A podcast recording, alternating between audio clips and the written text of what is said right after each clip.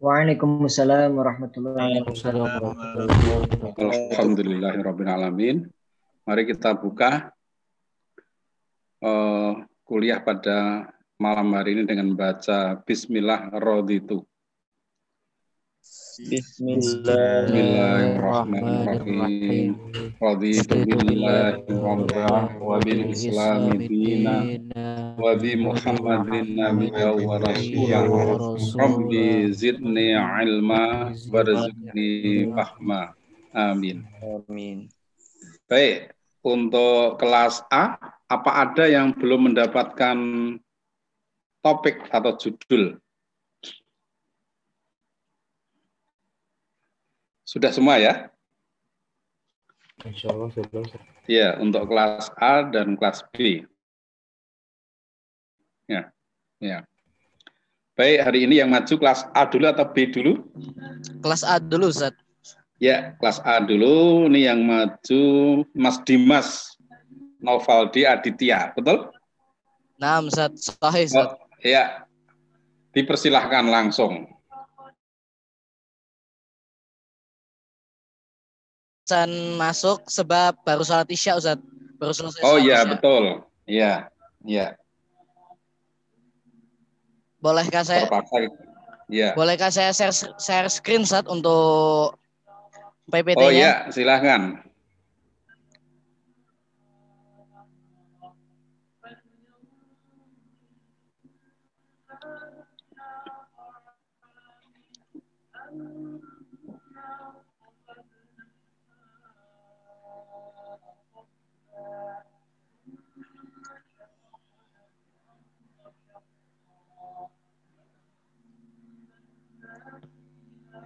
Apakah sudah di udah ternampak di layar panjenengan semua?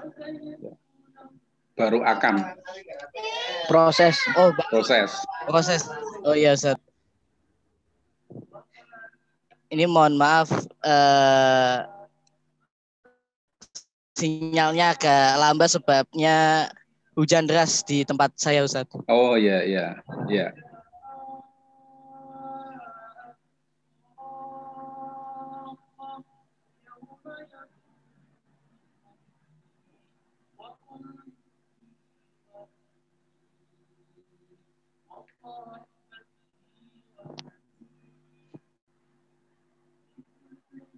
Apakah sudah nampak Ustaz? Kayaknya belum ya Ustaz ya? Iya.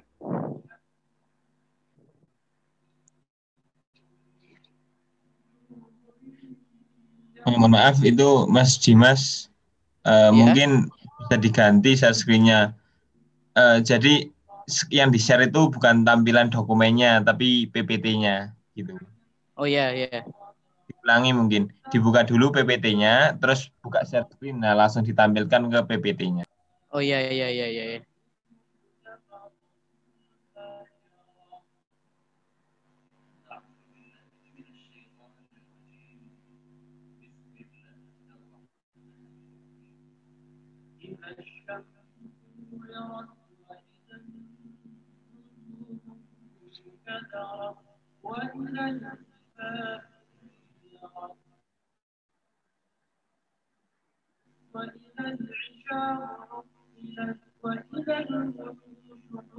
Kalau stop stop share gimana?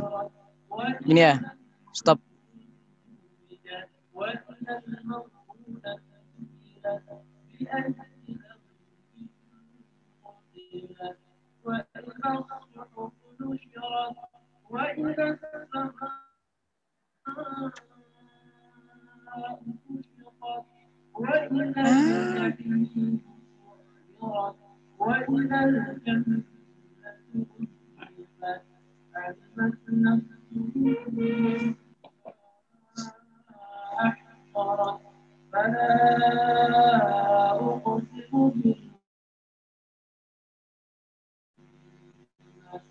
والليل إذا عسعس والصبح إذا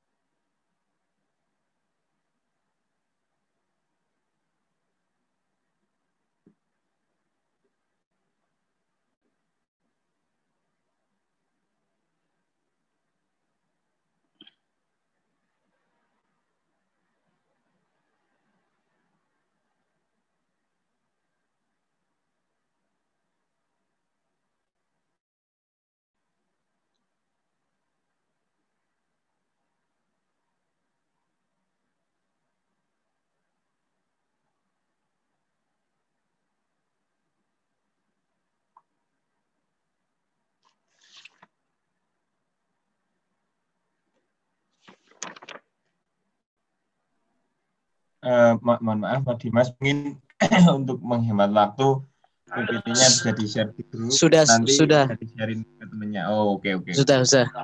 Uh, Bismillahirrahmanirrahim. Sinyalnya berhalangan bisa dimatikan videonya nggak apa-apa biar oh. kelihatan. Oke, okay, siap siap. Bismillahirrahmanirrahim. Assalamualaikum warahmatullahi wabarakatuh. Waalaikumsalam. Waalaikumsalam Alhamdulillah wa syukran lillah la haula wa la quwata illa billah wa ba' Segala puji hanya milik Allah Subhanahu wa taala yang mana Allah Subhanahu wa taala itu masih memberikan kita nafas, masih memberikan kita hidup, masih memberikan kita kesempatan untuk menuntut ilmu yang mana kita sedang berada di PUTM atau Pendidikan Ulama Tarjim Muhammadiyah. Semoga Allah Subhanahu wa taala selalu meridhoi orang-orang yang berada di PUTM dan juga berada di dunia ini. Salawat serta salam kita junjungkan kepada Nabi kita Nabi Muhammad Sallallahu Alaihi Wasallam yang mana Rasulullah Sallallahu Alaihi Wasallam itu adalah sebaik-baik panutan. Tidak ada yang lebih baik panutan kecuali panutan kepada Rasulullah Sallallahu Alaihi Wasallam. Teman-teman tadi ada kesalahan teknis, jadi kami mohon maaf yang sebesar-besarnya. Uh, uh, insya Allah kami akan menjelaskan apa yang sudah kami persiapkan yaitu berkenaan dengan mata kuliah metodologi dakwah. Bismillahirrahmanirrahim. Sebelumnya saya minta izin kepada Allah apa yang akan dipresentasikan semoga berjalan dengan lancar sesuai dengan keadaannya. Semoga Allah Subhanahu wa taala melancarkan kegiatan kita di malam hari ini. Bismillahirrahmanirrahim. Sebelumnya saya share screen dulu. Apakah sudah kelihatan, teman-teman? Rekan-rekan apakah sudah kelihatan? Sudah, sudah. Sudah. Sudah. Sudah. Oke. Okay. Bismillahirrahmanirrahim. Kita akan menjelaskan berkenaan dengan mata kuliah metodologi dakwah, yaitu materinya adalah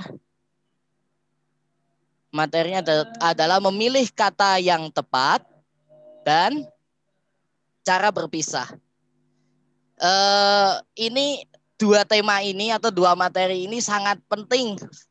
Saya katakan adalah apa paling urgent karena eh, jika seorang dai itu kalau berkata atau memilih diksi untuk berdakwah di masyarakat itu salah, maka pemahaman audien terhadap apa yang disampaikan oleh dai itu akan rancau atau akan salah. Begitu pula dengan nanti cara berpisah. Bagaimana seorang dai itu berpisah dengan orang yang didakwahi apakah nanti sifatnya membekas di hati mereka ataupun tidak dalam perkataannya itu kita lanjutkan uh, ini sekedar perkenalan saya saja mungkin teman-teman sudah pada kenal lanjut saja uh, kita akan memasuki di bab pertama yaitu berkenaan dengan ini masih materinya dengan dakwah bil hikmah. Yang pertama memilih kata dengan tepat. E, maksudnya memilih kata dengan tepat ini nanti di dalam dakwah nanti akan dijelaskan secara lebih lanjut di slide berikutnya dalil-dalil Al-Qur'an dan hadis yang terkait dan juga pembahasan-pembahasan yang terkait dengan judul yang pertama ini. Kemudian yang kedua e, cara berpisah nanti akan dijelaskan di slide berikutnya. Kita lanjut saja. Hmm, yang pertama, memilih kata dengan tepat. Maksudnya gimana sih? Apa apa kenapa kok di metodologi dakwah itu memilih kata dengan tepat itu sangat penting. Saya katakan tadi di depan itu sangat urgent. Maksudnya apa gitu? Eh, kami lanjutkan. Nah, maksudnya memilih kata dengan tempat itu adalah eh, kita itu menggunakan diksi atau pilihan kata dengan tepat ketika berdakwah apa diksi ini kenal dengan retorika dengan benar sesuai dengan syariat Allah Subhanahu wa taala dan sunnah Nabi Muhammad Shallallahu alaihi wasallam yang telah tercantumkan di hadis dan juga telah dicantumkan di Al-Qur'an. Kemudian ini yang pertama yang harus kita eh, pantau atau kita perhatikan secara lebih. Yang pertama, berkenaan dengan retorika kalam yang benar, menyampaikan diksi kepada masyarakat yang benar. Retorika itu disebut dengan seni. Nah, seni berbicara itu berbeda-beda. Mungkin cara ada ada orang yang memainkan kata dengan cara mengibaratkan sesuatu ataupun ada seorang dai yang langsung berkata apa dengan jelas langsung ke maknanya langsung kepada audiennya. Jadi bertingkat-tingkatlah untuk penyampaian kata sesuai dengan kondisi audien yang dihadapi. Dikarenakan untuk berdakwah harus dengan cara dan strategi yang baik, benar dan jitu sehingga dakwahnya nanti akan terasa sangat indah, menarik serta mengena di hati masyarakat atau audien yang sedang dihadapi. Kalau misalnya ada seorang dai berdakwah kepada orang tua, itu nanti disesuaikan retorika kalamnya saja orang tua yang gimana. Ada orang tua yang eh, dikategorikan sebagai civitas-civitas akademika, kayak dosen-dosen ataupun ya dan lain sebagainya guru-guru. Nah, itu perkataannya boleh dengan ungkapan kata-kata ilmiah. Akan tetapi kalau kita berbicara atau berdakwah kepada orang-orang yang sudah lansia, ya itu kata-katanya harus berbeda lagi.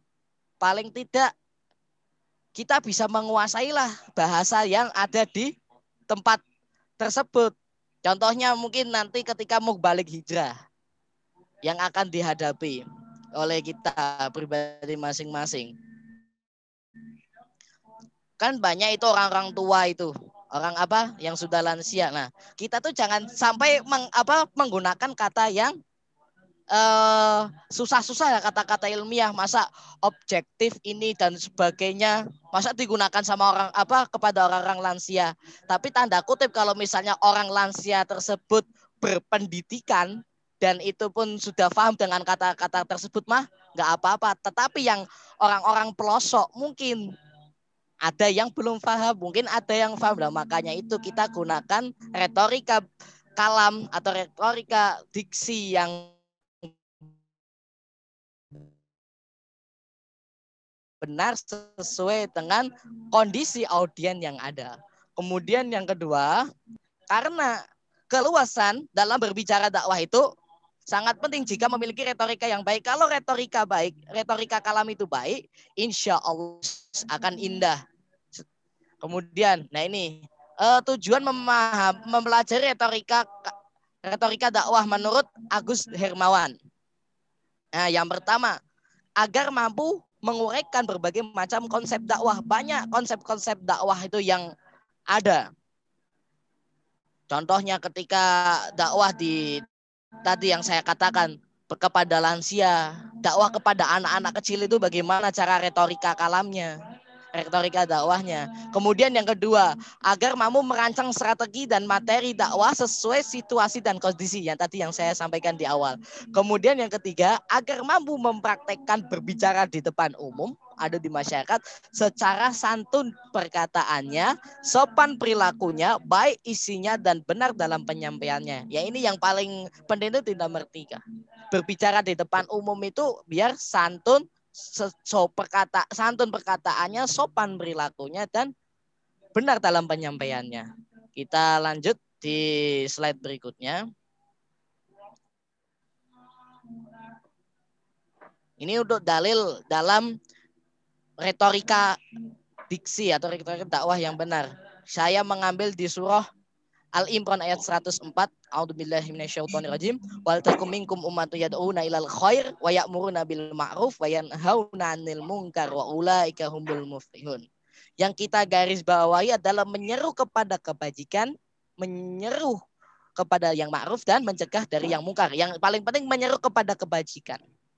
Kemudian saya ngambil dalil lagi. Dalil Al-Quran di surah Al-Imran ayat 110 kuntum khairu ummatin ukhrijat linnasi ta'muruna bil ma'ruf wa tanhauna 'anil munkar wa tu'minuna billah. Walau amana ahlul kitab kana khairan lahum minhumul mu'minuna wa aktsaruhum fasiqun. Uh, kamu adalah umat yang terbaik yang lahir di, di yang, yang dilahirkan untuk manusia, menyuruh kepada yang ma'ruf dan mencegah dari yang mungkar dan beriman kepada Allah, menyuruh kepada yang ma'ruf. Nah, menyampaikan dakwah atau diksi yang benar untuk mengajaknya kepada berbuat keba, kebajikan dan mencegah dari perbuatan yang mungkar. Kemudian yang lain saya ngambil dalil lagi di Al-Qur'an di surah An-Nahl ayat 125. A'udzubillahi minasyaitonirrajim.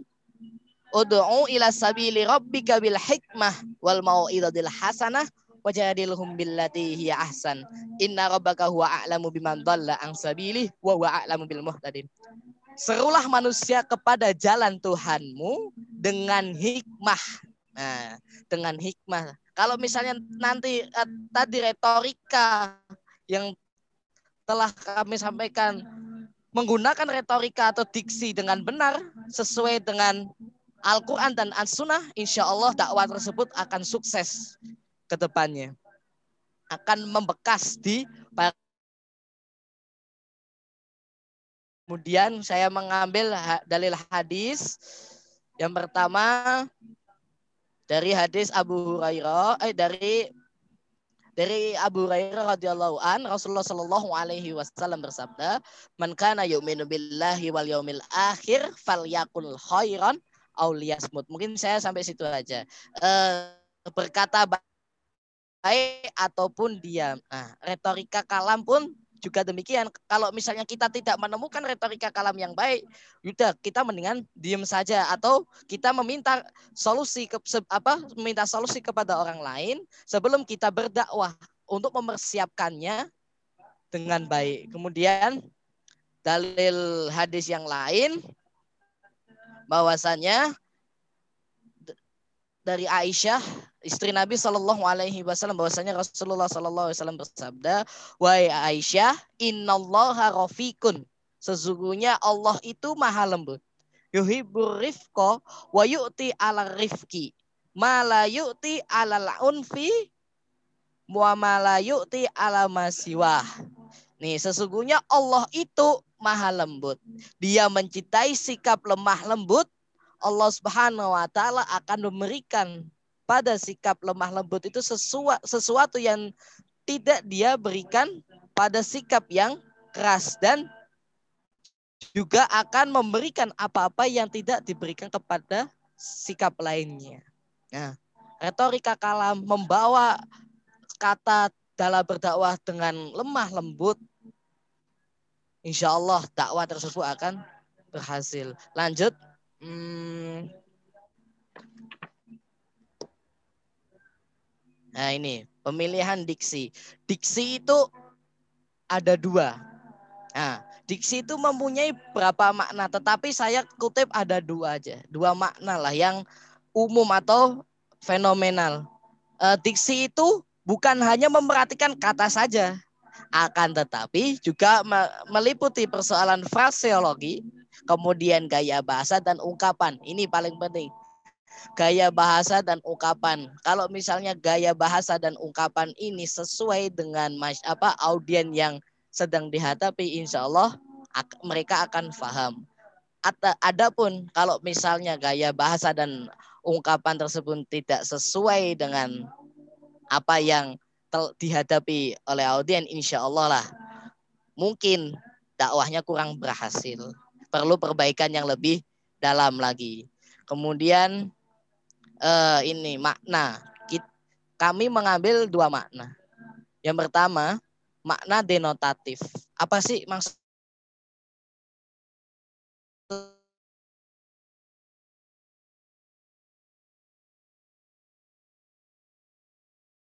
maksudnya makna denotatif itu makna denotatif itu denotatif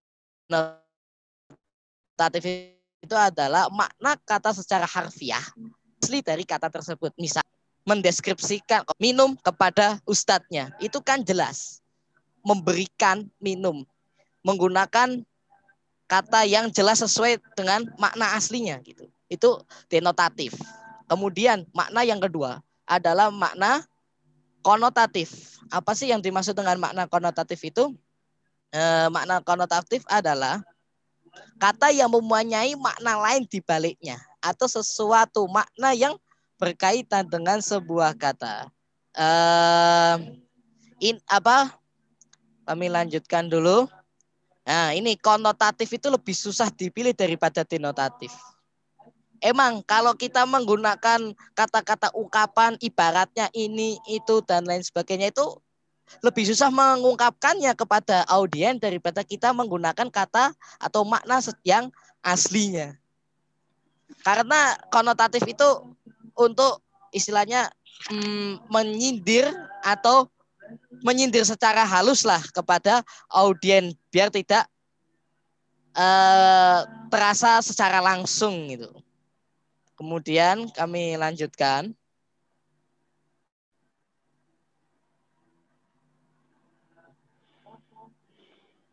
Nah, ini paling penting.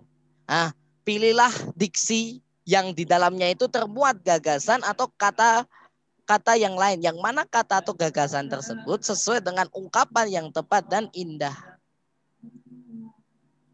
Gunakan diksi sesuai dengan situasi dan kondisi yang ter terjadi. Kemudian yang ketiga, gunakanlah kosakata yang familiar di kalangan masyarakat. Insya Allah dakwah tersebut berhasil. Lanjut, eh, yang kedua, eh, cara berpisah. Di sini maksudnya apa? Cara berpisah itu, hmm, cara berpisah di sini adalah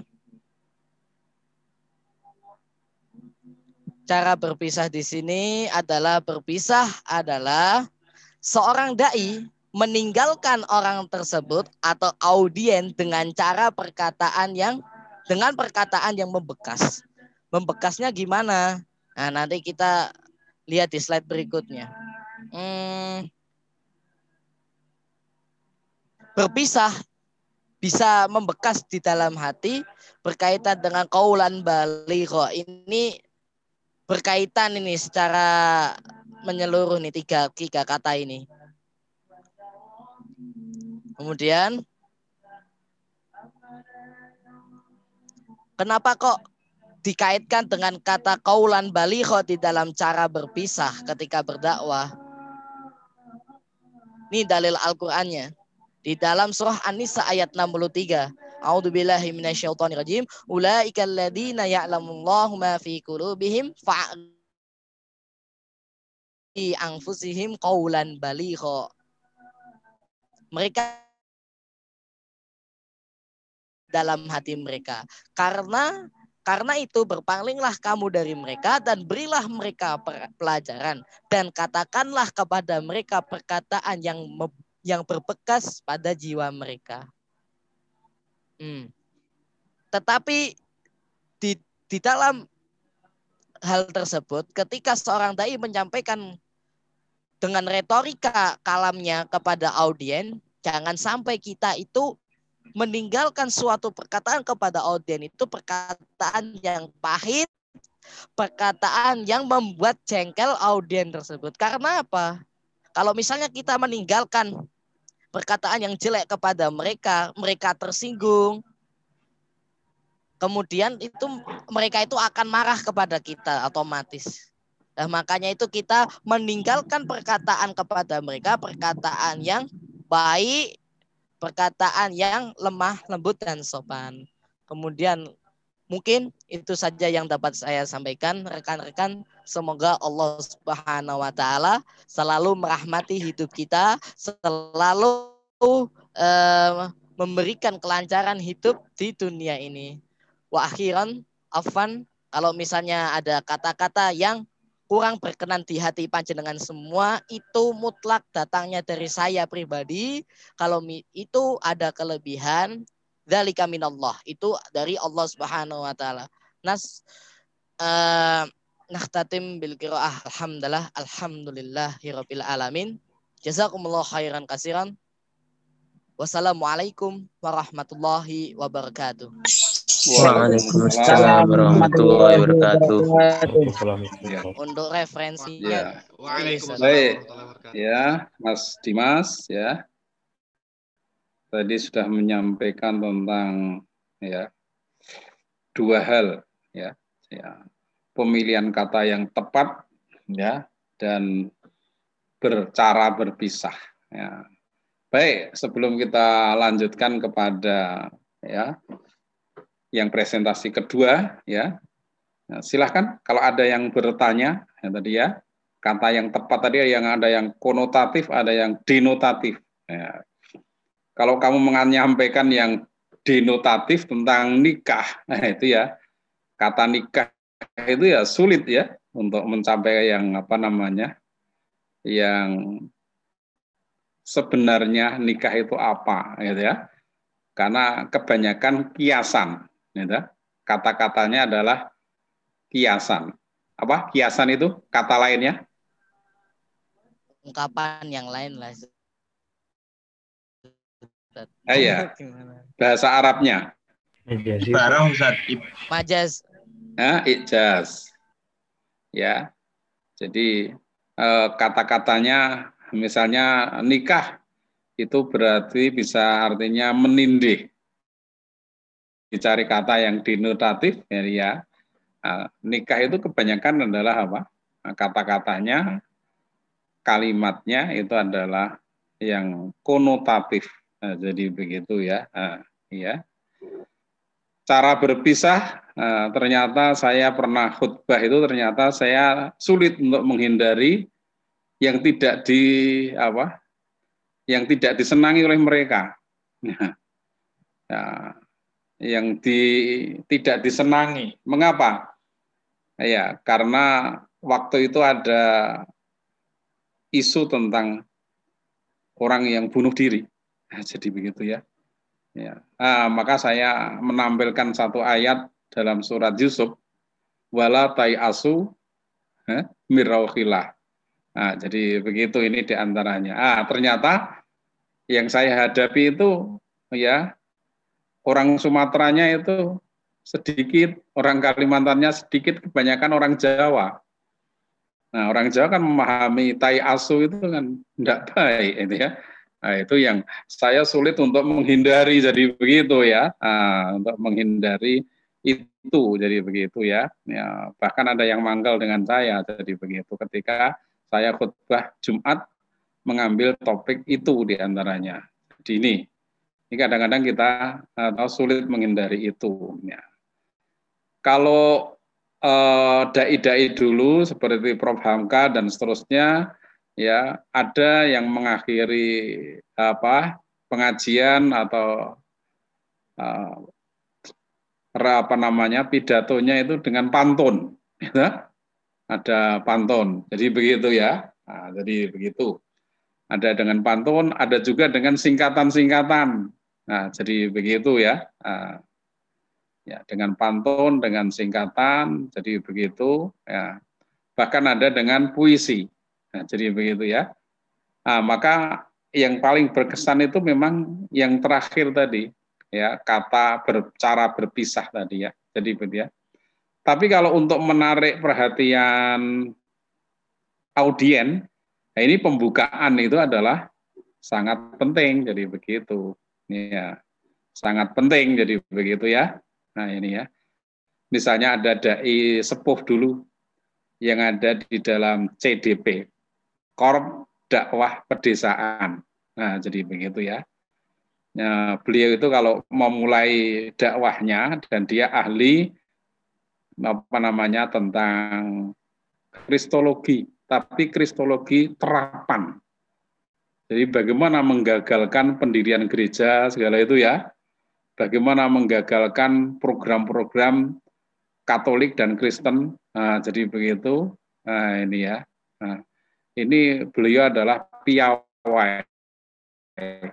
Nah, majas apa namanya hmm, ya bisa berhasil banyak berhasil jadi begitu ah, dia kalau minta untuk setelah salam, salawat, dan seterusnya, beliau untuk menyampaikan pengajian. Dan saya datang ke sini bukan untuk menjelek-jelekan orang-orang Kristen, orang Katolik, itu tidak. Karena tidak saya jelekkan aja memang sudah jelek. Nah, jadi gitu ya. Nah, ini ini adalah satu apa namanya uh, ungkapan yang menarik. Jadi begitu ya. Nah, entah kalau sekarang mengucapkan seperti itu bisa ditangkap atau tidak, saya tidak tahu ya. Jadi begitu ya. Nah ini, ini kan menarik, jadi ya membuka. Ya orang kemudian apa? Ah, ini ya. Nah, kemudian baru beliau apa? Mengisi pengajian. Ya. Baik, silahkan. Siapa yang bertanya atau mau beri tanggapan? Bertanya Ustaz. Ya, ya silahkan. Please. Afan tidak menyalakan kamera Ustaz. Ya. Uh, ini Fadil Ustaz mau bertanya. Uh, sebetulnya kami tuh sependapat ya kalau materi yang disampaikan oleh Dimas ini uh, sangat penting yaitu pemilihan diksi kata dalam berdakwah.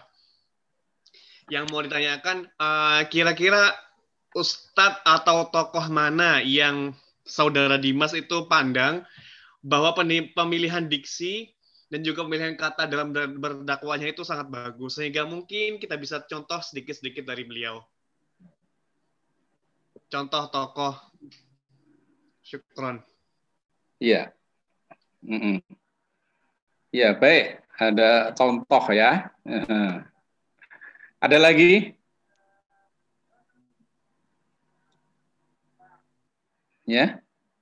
Ini boleh dijawab langsung atau gimana Ustaz? Iya, silakan. Ya, uh, silakan dijawab langsung. Bismillah uh, untuk Mas Fadil, pertanyaannya sangat bagus sekali. Uh, untuk syekh atau ulama yang menurut saya atau menurut kami pandang bahwa retorika kalamnya bagus dulu sebelum beliau meninggal adalah Prof Yunahar Ilyas. Beliau itu menggunakan atau menyampaikan dakwahnya itu dengan retorika kalam yang bagus. Kemudian saya mendengarkan langsung di YouTube-nya beliau itu adem sekali rasanya itu mendengarkan perkataan yang beliau sampaikan atau dakwahnya beliau. Nah, mungkin nanti bisa dilihat di YouTube lah untuk Prof Yunahar. Kemudian untuk yang sekarang adalah Ustadz Adi Dayat. Kenapa kok saya meng, me, mengambil kepada Ustadz Adi Hidayat. Karena beliau itu adalah orang yang sangat sangat apa istilahnya ya kalau menurut aku itu uh, sangat istimewa sekali lah di hadapan saya. Karena apa beliau itu sangat menginspirasi terutama di masalah dakwanya. Beliau bisa uh, menggunakan kata dengan tepat sesuai dengan audiennya kehidupan Rasulullah Shallallahu Alaihi Wasallam pun beliau bisa. Beliau jelas sekali sampai saya itu nangis ketika beliau menjelaskan tentang Rasulullah Shallallahu Alaihi Wasallam. Apalagi ketika saya itu mendengar Syekh Habib Ali Al-Kaf ketika beliau menceritakan tentang kisah Nuaiman. Walaupun pembawaannya sangat bagus, tetapi wah, yang pertama saya itu ter, apa kalau mendengar Syekh Habib Ali Al Kaf itu terbahak-bahak lah melihat orang tersebut. Mendengar apa perkataannya itu sangat lucu tetapi mengenas, mengena di hati, di hati saya sendiri. Mungkin itu yang dapat kami sampaikan. Kalau ada salah itu mutlak dari saya. Iya. Mas Fadil itu kalau retorika yang apa menarik, bagus, dan dengan ada yang tinggi ada lucunya ya ya almarhum Kiai Zainuddin MZ.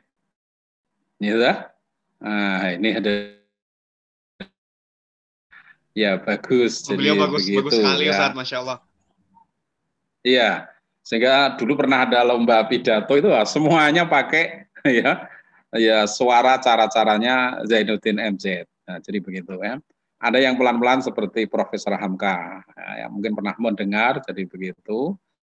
Ada juga yang seperti Pak Amin Rais, ya, ada yang model seperti itu. Jadi ya, ya kalau mengkritik dan seterusnya, jadi begitu ya, nah, ini tajam.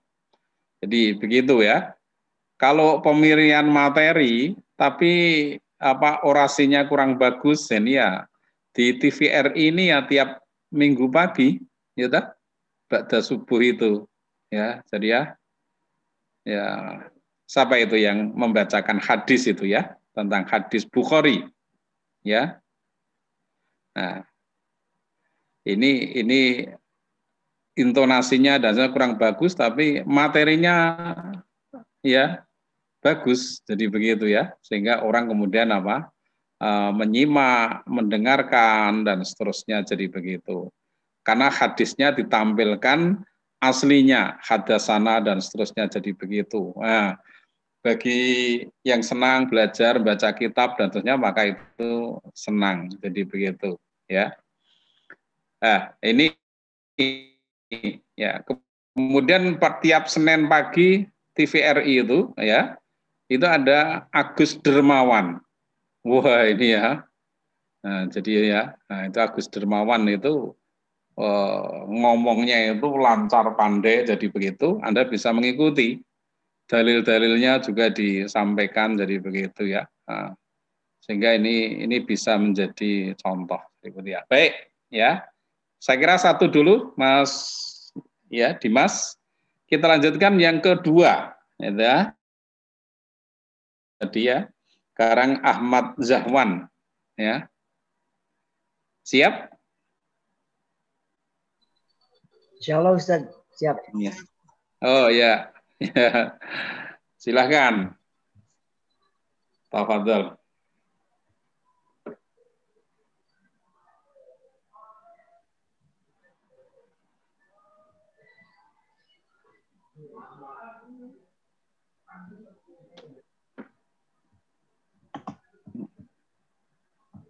Sambil menanti persiapan, ya toh?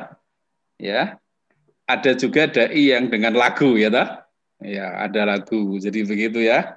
Ada dengan lagu atau nyanyi. Walaupun hanya diambil satu bait saja, ya. Misalnya jadi seorang laki-laki itu jangan banyak janji. Nah, nanti kalau banyak janji apa? Ya, jadi begitu ya. Nah, seperti se, sepatah kalimat, ya toh?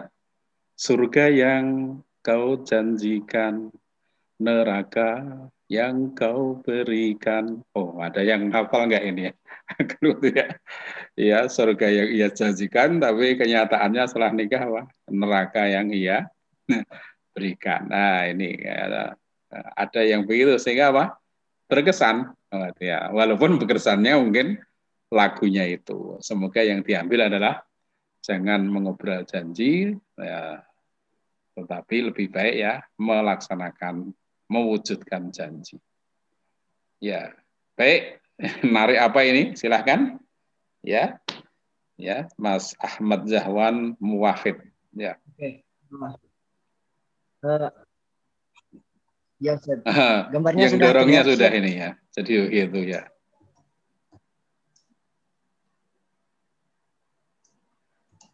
Oke, uh, Bismillahirrahmanirrahim. Assalamualaikum warahmatullahi wabarakatuh. Uh, perkenalkan nama saya Ahmad Zaban Wahid, mahasiswa PUTM semester 4B. Insya Allah pada kesempatan kali ini saya akan uh, sedikit membahas metodologi dakwah, yaitu tentang uswah hasanah dan dakwah bilisan al-hal. Nah,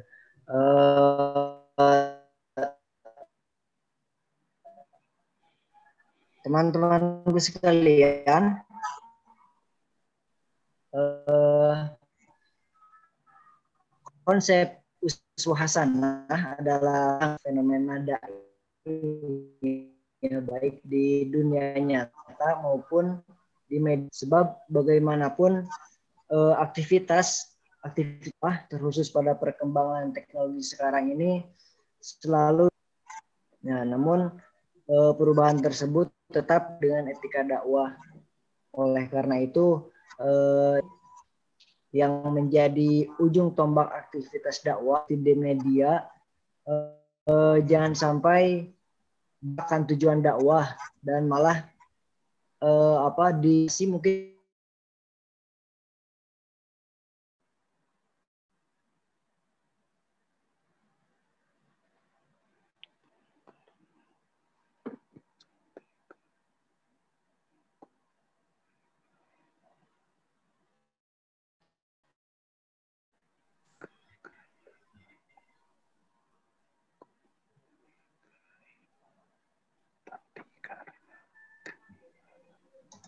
uh, dunia dakwah dalam abad informasi dan virtual seperti sekarang uh, tidak dapat melepaskan diri dari pengaruh citra. Jadi uh, para dai atau para pendakwah bahkan tidak hanya menjadi dai, dia juga bahkan menjadi model dan apa menjadi model dari penampilan dirinya sehingga di dalamnya be, uh, di dalamnya berlaku relasi sosial yang mengikuti budaya populer yaitu hubungan antara ustadz dan audiensnya itu dan kegiatan ritual keagamannya itu digiring kepada uh, perangkap sesuatu yang tidak alami jika dahulu yang namanya dakwah atau ceramah itu ya emang benar-benar ceramah. Dan mungkin karena sekarang dengan berbagai teknologi itu di apalagi di televisi itu di setting sedemikian rupa uh, dengan tujuan supaya menciptakan daya tarik dan keterpesonaan massa. Nah, kegiatan keagamaan itu uh, apa dipenuhi dengan citra-citra tertentu yang bersifat atau mungkin yang tidak bersangkutan dengan agama. Nah, misalkan uh, ada program di televisi, ada program dakwah. Uh, tetapi juga di dalamnya itu berisi tentang iklan-iklan kosmetik atau aksesoris dan lain-lain yang terlepas dari uh, konteks kesucian ibadah. Nah, termasuk di Indonesia mungkin kita sering melihat beberapa tokoh ya yang menjadi dai khususnya mungkin di di televisi. Di antaranya uh, Mamah Dede. Nah, Mamah Dede ini uh, selain dia beliau menjadi pendai, beliau juga sekaligus menjadi uh, apa endorse. Yaitu beliau sering memakai jilbab instan dan gamis atau pakaian tebusan uh, model rabani yang biasa dipakai sekaligus diperlihatkan uh, setiap kali dia berdakwah. Kemudian pendakwah lainnya seperti uh, jilbab syar'i ala Ustazah Oki Setiana Dewi, uh, kemudian model baju muslim uh, apa ala Ustadz Jeffrey Al Bukhari almarhum atau Ustadz Uji ada pula Ustadz uh, Ustadz Solmed ya yang juga menjadi duta merek Rabani dan sebagainya. Nah pengaruh dai ini sering tampil di media-media atau di televisi dengan segala atributnya yang mampu menarik perhatian para pemirsa. Nah, jadi eh, ke depan eh, apa yang terjadi apa yang masyarakat lihat tentang uh, dalam hal ini dai ya di televisi dengan hijab dan pakaiannya yang dipakai waktu itu itu tidak menutup kemungkinan besok-besoknya itu pakaian-pakaian tersebut sudah berada di pusat-pusat pasar ya. Di pusat-pusat grosir, pusat-pusat pasar seperti di di Pakem, di Giwangan, di pasar Semarang atau di Tanah Abang dan di tempat-tempat lainnya. Nah, eh, akan tetapi semarak kegiatan dakwah di berbagai media jika dilihat sepintas mungkin menimbulkan kesan dakwah bahwa eh, teori dakwah atau metodologi dakwah ini eh, tidak lagi menonton terkesan menonton dan bisa dilakukan di semua kalangan.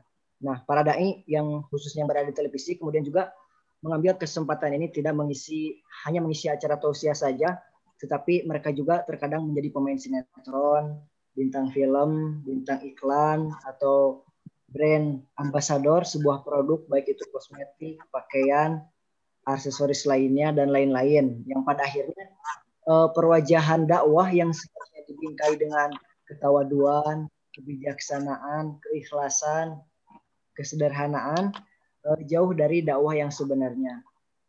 Mungkin uh, terkadang kehidupan mereka juga uh, tak jarang menjadi menjadikan jarak dengan jamaahnya terbukti dengan adanya manajer yang senantiasa uh, mengaturnya sehingga uswah hasanahnya itu terhalang oleh layar kaca.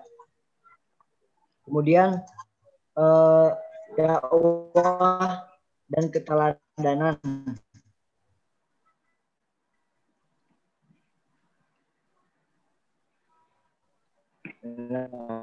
uh, share screen-nya bisa didukung enggak? Merupakan satu bagian yang pasti ada dalam kehidupan beragama ya dalam ajaran Islam. Eh, dakwah merupakan suatu kewajiban yang dibebankan oleh agama eh, kepada pemeluknya sehingga dengan demikian dakwah timbul dari diri pribadi atau golongan. Nah, eh, menurut Alba Alba Yanuni terkait dakwah, menurut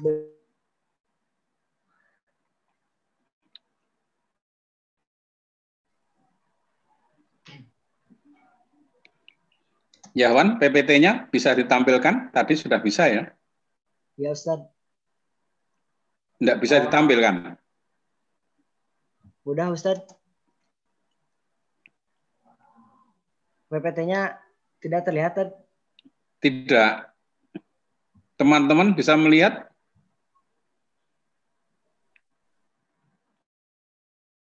Belum Ustaz.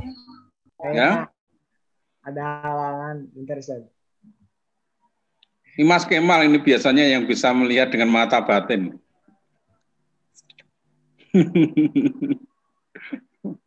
Uh, Oke, okay. mohon maaf ada mungkin ada gangguan sinyal. Dan sekarang saya coba untuk kembali men-share. Apakah hmm. apakah sudah terlihat? Gambar kucing atau walatai asu nih?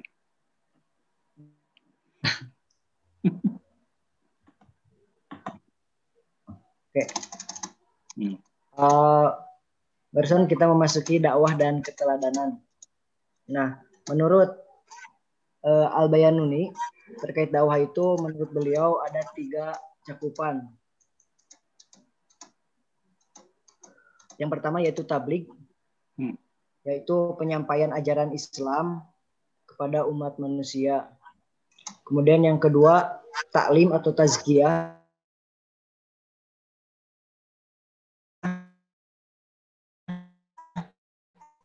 yaitu uh, memahamkan ajaran Islam tersebut. Dan yang ketiga adalah ta, uh, tatbik yaitu penat, uh, kesuksesan uh, yaitu dai yang sukses dalam berdakwah adalah mereka yang ikhlas dan kuat keimanannya jauh dari unsur kepentingan pribadi yang mengandalkan bentuk ataupun tampilan luarnya saja. Nah, oleh karena itu seorang dai harus mengendalikan eh, segala tindak tanduknya dalam kehidupan untuk menjadi suri tauladan.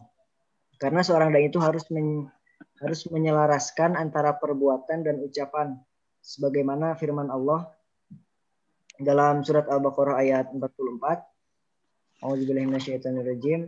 Eh, Atakmuruna nas bil birri wa tansawna anfusakum wa antum tatluna kitab afala ta'qilun. Yang artinya eh, mengapa kamu menyuruh orang lain mengerjakan kebaikan sedangkan kamu melupakan diri atau melakukan kewajibanmu sendiri padahal kamu telah membaca Alkitab maka tidakkah kamu berpikir nah dalam uh, dakwah dan kehidupan tentunya kita sudah memiliki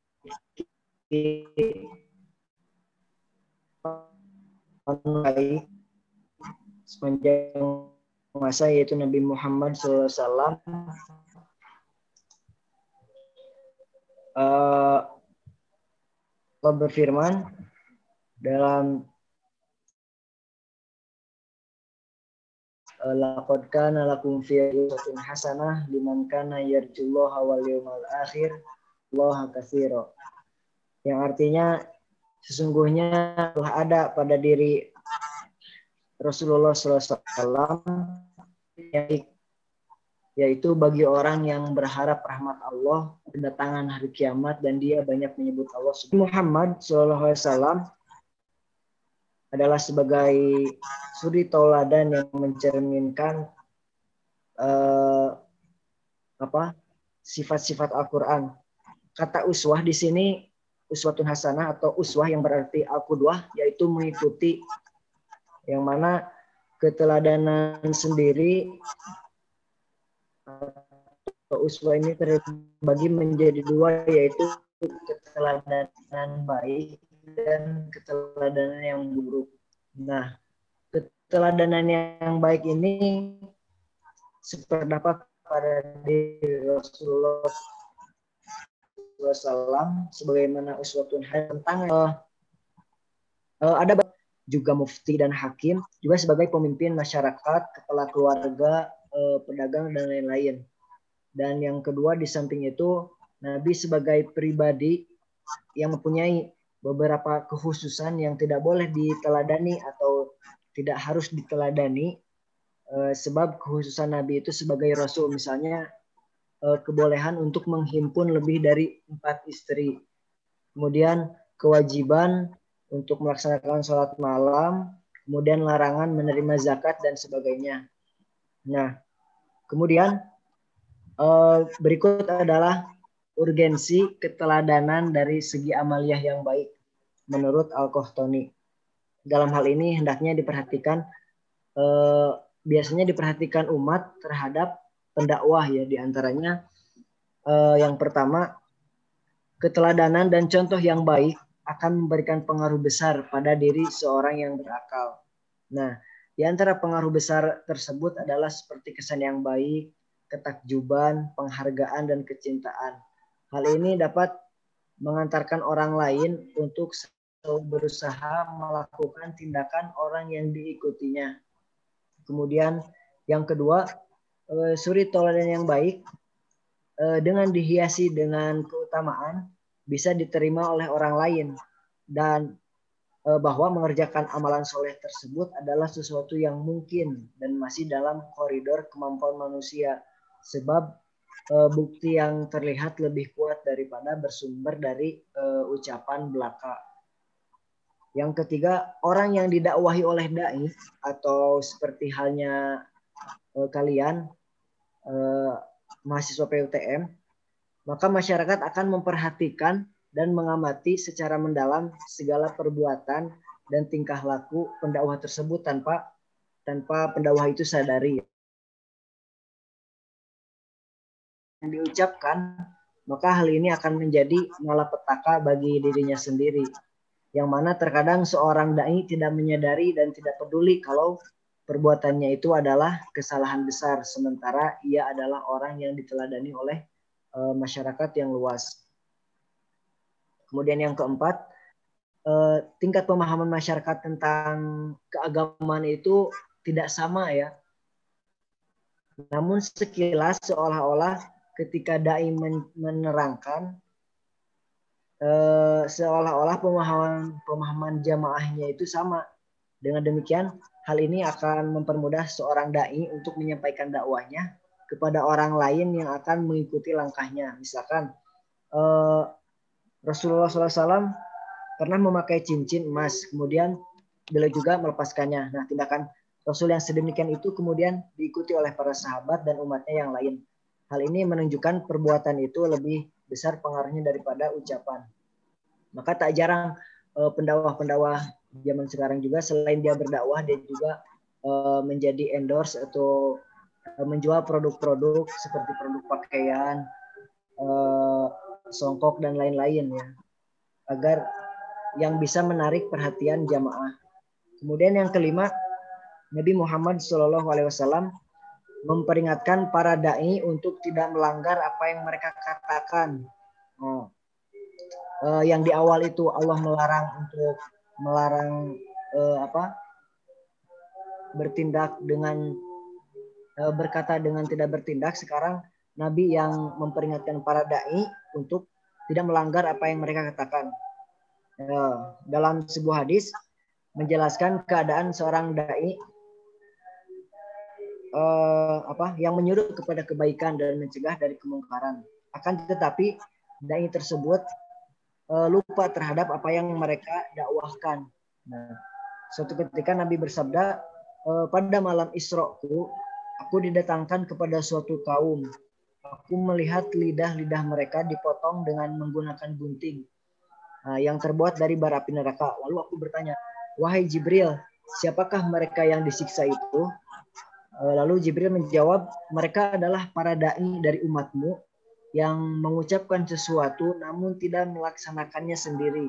Mereka membacakan membacakan ayat-ayat Allah akan tetapi tidak melaksanakan kandungannya. Kemudian yang keenam, orang yang diajak kepada kebenaran di samping dia melihat segala perbuatan dan tingkah laku para pendakwahnya yang menyeru kepada kebaikan,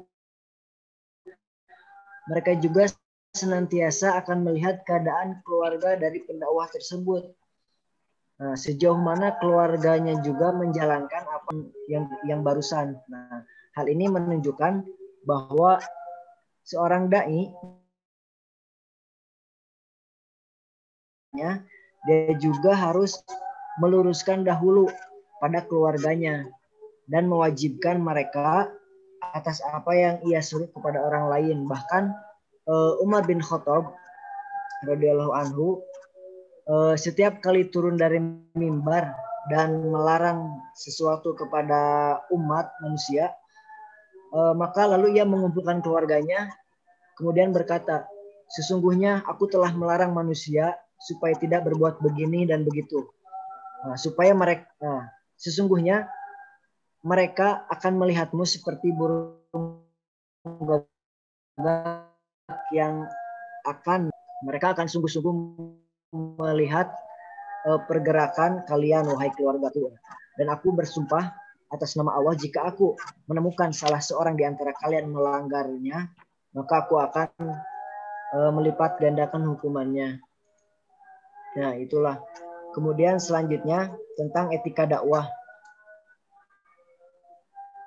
Uh, apa? ketika seseorang berinteraksi dengan orang lain maka mustahil apabila tidak disertai dengan etika. Nah, etika itu etika sendiri berasal dari bahasa Yunani yaitu etos yang berarti adat istiadat, kebiasaan, eh, perasaan batin, kecenderungan hati untuk melakukan perbuatan. Nah, kemudian eh, etika juga mengajarkan tentang keluhuran budi baik dan buruk. Nah, maka etika ini berarti ilmu tentang apa yang bisa dilakukan atau ilmu tentang adat kebiasaan. Secara pengertian eh, etika secara terminologi, para ahli mempunyai pengertian yang berbeda-beda ya di antaranya eh, Ahmad Amin yang mengartikan etika sebagai ilmu yang menjelaskan arti baik dan buruk, menerangkan apa yang seharusnya dilakukan oleh manusia, eh, menyatakan tujuan yang harus dituju oleh manusia dalam perbuatan mereka dan menunjukkan jalan untuk melakukan apa yang seharusnya diperbuat. Nah, dalam hal ini eh, Hajir Tajiri mengemukakan beberapa hal yang penting yang harus dimiliki oleh para dai. Di antaranya eh, yang pertama pengenalan dan kesanggupan dai dalam mematuhi norma dan ketentuan dakwah, baik berupa norma teologis maupun norma sosial dakwah ya. Adapun penjelasan tentang norma teologis itu di bawahnya ada maksudnya itu adalah aturan-aturan yang berasal atau bersumber dari ajaran Islam yaitu Al-Quran dan Sunnah. Sedangkan norma sosial merupakan hasil buatan manusia sebagai makhluk hidup atau norma yang berlaku di masyarakat yang berisi tentang tata tertib, aturan, dan petunjuk standar perilaku yang pantas atau wajar seperti menyangkut tata cara, kebiasaan, perlakuan, adat, dan hukum. Nah, kemudian yang dimiliki oleh para dai selanjutnya adalah pengenalan dan kesanggupan dai dalam mengimplementasikan kaidah-kaidah dakwah. Kemudian yang ketiga, eh, pengenalan dan kesanggupan dalam meraih segi-segi keutamaan dakwah yaitu eh, dakwahnya itu tersampaikan. Nah, jika kita melihat di televisi misalkan apakah dakwah itu apakah acaranya itu sudah menjadi tuntunan atau hanya sekedar tontonan karena pada era komunikasi masa yang dipengaruhi globalisasi media eh, hampir segala bentuk praktek komunikasi itu memiliki celah-celah bisnis Nah, hal ini tidak terkecuali terjadi pada aktivitas dakwah, terutama di media televisi, yang keberadaannya program dakwah itu bisa semakin semarak. Nah itu uh, dari dakwah dengan usul hasanah. Kemudian selanjutnya dakwah bilisan itu tidak jauh berbeda dengan apa yang barusan disampaikan oleh Ah Dimas. Allah berfirman dalam surat Ali Imran, A'udzubillahi minasyaitonirrajim. Wal takum minkum ummatun yad'una ilal khairi wa ya'muruna bil ma'ruf wa yanhauna 'anil munkar. Ulai kaum yang artinya hendaklah ada di antara kamu segolongan umat yang menyeru pada kebaikan menyuruh pada yang ma'ruf dan mencegah pada yang munkar mereka itulah orang-orang yang beruntung Al-Quran surat Al-Imran ayat 104 eh, pada dasarnya dakwah adalah kegiatan menyuruh pada jalan Allah dan menjauhi segala larangannya. Nah, segala sesuatu hal yang dikatakan dakwah apabila mengandung unsur amar ma'ruf nahi munkar. Nah, sedangkan secara etimologis dakwah bilisan ini merupakan penggabungan dari kata dakwah dan lisan. Kata dakwah berarti memanggil, menyeru dan lain-lain. Sedangkan kata lisan berarti bahasa. Nah, dengan demikian dakwah bilisan mempunyai arti yaitu memanggil atau menyeru ke jalan Tuhan untuk kebahagiaan dunia dan akhirat dengan menggunakan bahasa kepada manusia. Nah, dakwah melalui kata ini atau biasa disebut dengan ceramah ya. Uh, apa? Bisa menembus berbagai macam kalangan hingga sampai sekarang dakwah bilisan ini masih banyak diminati. Nah, kegiatan dakwah ini tidak hanya di atas mimbar apalagi uh, kita menyeru dalam hal kebaikan itu pun sudah termasuk dengan dakwah karena pada dasarnya manusia adalah pengingat bagi manusia yang lain. Kemudian dalam dakwah bilisan barusan juga pernah disampaikan tentang diksi yaitu pemilihan kata dalam dakwah bilisan. Nah, yang pertama diksi diksi itu mencakup pengertian kata-kata yang mana dipakai untuk menyampaikan suatu gagasan. Nah, yang pertama, pilihan kata atau diksi itu mencakup pengertian kata-kata yang mana dipakai untuk menyampaikan suatu gagasan. Nah, eh, bagaimana bentuk pengelompokan kata-kata yang tepat atau menggunakan ungkapan-ungkapan yang tepat dan gaya mana yang paling baik digunakan dalam situasi berdakwah. Nah, yang kedua, uh, pilihan kata atau diksi adalah kemampuan membedakan secara tepat uh, nuansa-nuansa makna dari gagasan yang ingin disampaikan dan kemampuan untuk uh, dimiliki kemampuan untuk dimiliki menentukan bentuk yang sesuai atau yang cocok dengan situasi dan nilai rasa yang dimiliki kelompok masyarakat pendengar. Selanjutnya, pilihan kata yang tepat dan sesuai hanya dimungkinkan oleh penguasaan sejumlah besar kosakata dan pembendaharaan bahasa itu sendiri. Sedangkan yang dimaksud pembendaharaan kosakata adalah e, keseluruhan kata-kata yang dimiliki oleh suatu bahasa. Kemudian e, kesesuaian diksi atau pemilihan kata. Yang pertama, hindarilah dalam terdakwa itu hindarilah sejauh mungkin bahasa yang atau unsur substandarnya itu dalam suatu situasi yang formal. Kemudian yang kedua, gunakanlah kata-kata ilmiah dalam situasi yang khusus saja. Nah, dalam situasi yang umum, hendaknya pendakwah itu berbicara menggunakan kata-kata yang populer. Kemudian yang selanjutnya, jauhkan kata-kata atau bahasa yang artifisial, yaitu bahasa yang dibuat-buat, bahasa yang tidak alami, yang dibuat-buat sendiri. Nah, mungkin itu beberapa yang bisa saya sampaikan. Uh, kesimpulannya, dakwah sebagai bagian dari ajaran agama Islam dan ini tidak akan berhenti ya aktivitasnya. Meskipun e, mengalami perubahan. Yang mana perubahan khususnya yang terkait dalam perkembangan teknologi informasi dalam hal ini dalam media tentu diharapkan dakwah bisa memasuki ke berbagai media baik itu di televisi di sosial media lainnya sehingga dakwah yang seharusnya menjadi tuntunan tidak berubah hanya sebatas tontonan.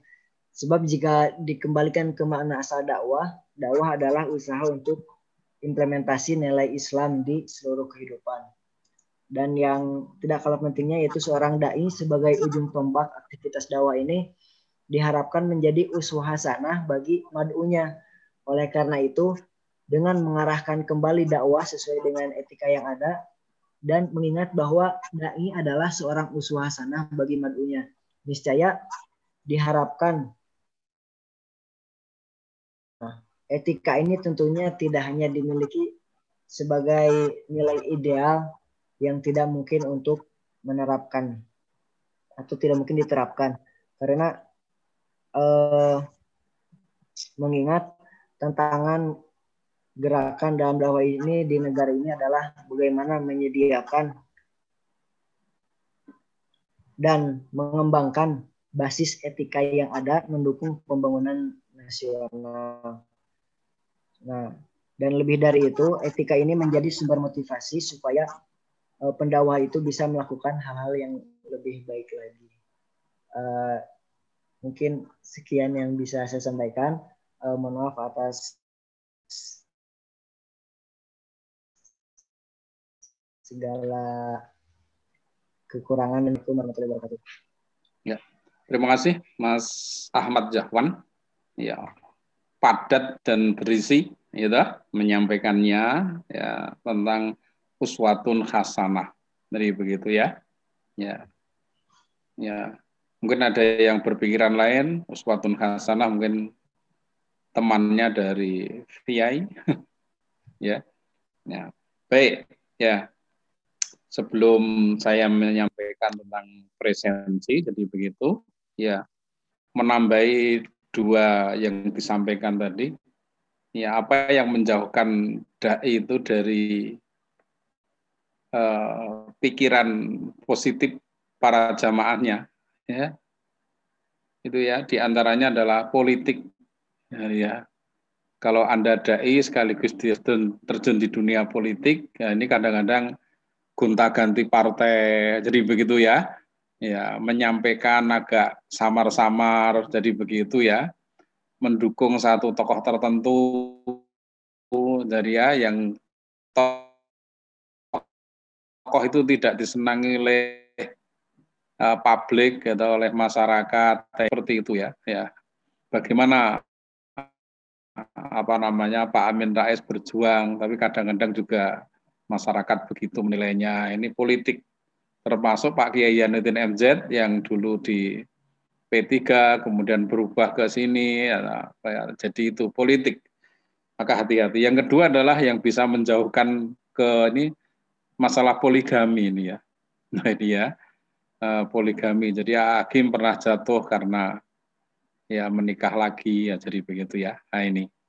Kemudian yang ketiga adalah uh, penipuan ya, yang dilakukan oleh mungkin stafnya tapi memakai nama dia seperti memiliki travel haji dan umroh. Nah, ini banyak yang berjatuhan karena apa? Ya karena tidak bisa mengantarkan jamaah sampai ke Mekah, Madinah. Ya ini, terutama ketika corona jadi begitu dan merugi ber juta-juta bahkan miliar. Nah ini ya. Ya, ini dai yang uh, dalam uh, bekerja itu termasuk usaha travel ini ya. Kemudian ada yang tengkar dengan keluarganya sendiri mungkin dengan anak. Anda pernah dengar? Super sekali, jadi begitu ya. Anda pernah dulu itu ya? Nah, itu ya, ya, beliau itu Islam baik dan seterusnya, tapi ternyata kelahi dengan putranya. Jadi akhirnya jadi apa? Nah, sekarang nggak kelihatan lagi. Kemudian dai yang menjabat, nah ini ya, yang menjabat ini ya, tadi hubungannya dengan politik. Dan juga fitnah ini ya, yang tidak ini ya, sekarang buzzer-buzzer jadi begitu ya, yang membuat ya netizen mangkal dengan dia dan seterusnya, maka ini Ya, hati-hati jadi begitu ya. Jadi tidak sedikit dai ustadz yang berguguran karena fitnah ini di antaranya. Jadi begitu ya.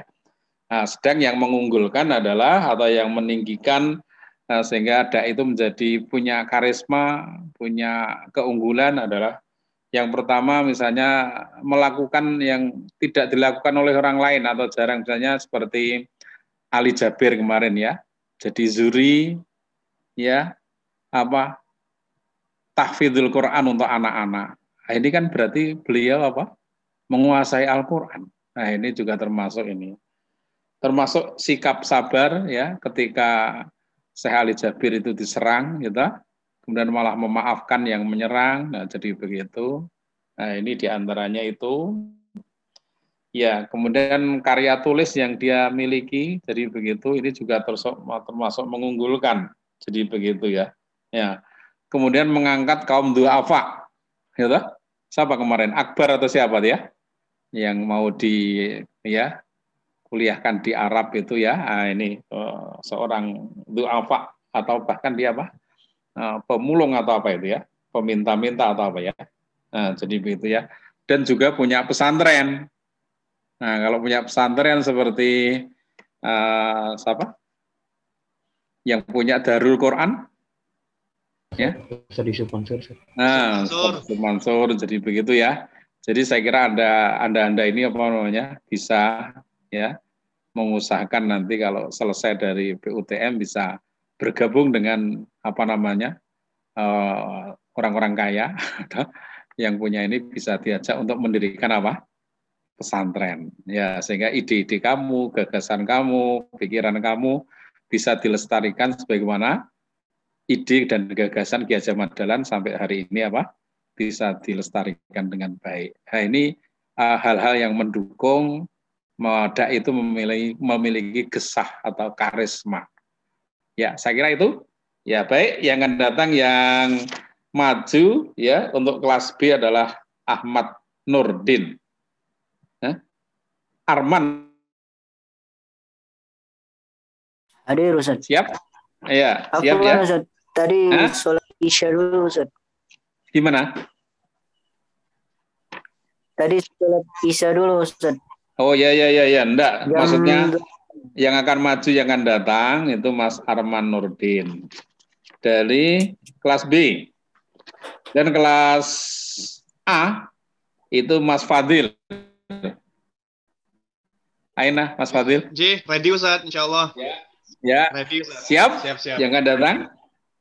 Ya, baik. Ya, sekarang dari kelas A dulu. Mas Aiger Kemal ya, Mubarok. Ya. Sukron. Ahmad Rizki. Hadir Ustaz. Ya, Mas Dimas Novaldi. Ya, Mas Fadil. Hadir Ustaz. Ya, Mas Habibur Rahman. Hadir Ustaz. Ya, Mas Isa Anafi. Ya. Mas Kanugrahan Sejati. Ada? Ada Ustaz, cuma mic-nya tidak bisa kayaknya Ustaz. Dia tuh ngomong-ngomong cuma nggak dengaran suaranya. ya, ya, segera informasinya. Maulan Ilhamul Hamdi. Ya. Gimana? Tidak ada kabar? Miftahul Khair. Hadir Miftahul Khair. Hadir? Mas Miftahul Miftah- Khair hadir Ustaz. Ya, syukron. Ya, kemudian Mas Ridwan. Masih sulit sinyalnya? Mas Rifki Zuanda. Oh ya, hadir. Kemudian kelas B. Mas Ahmad Hafid Ardiansa. Oh ya, syukron. Ahmad Saidi. Hadir Ustaz.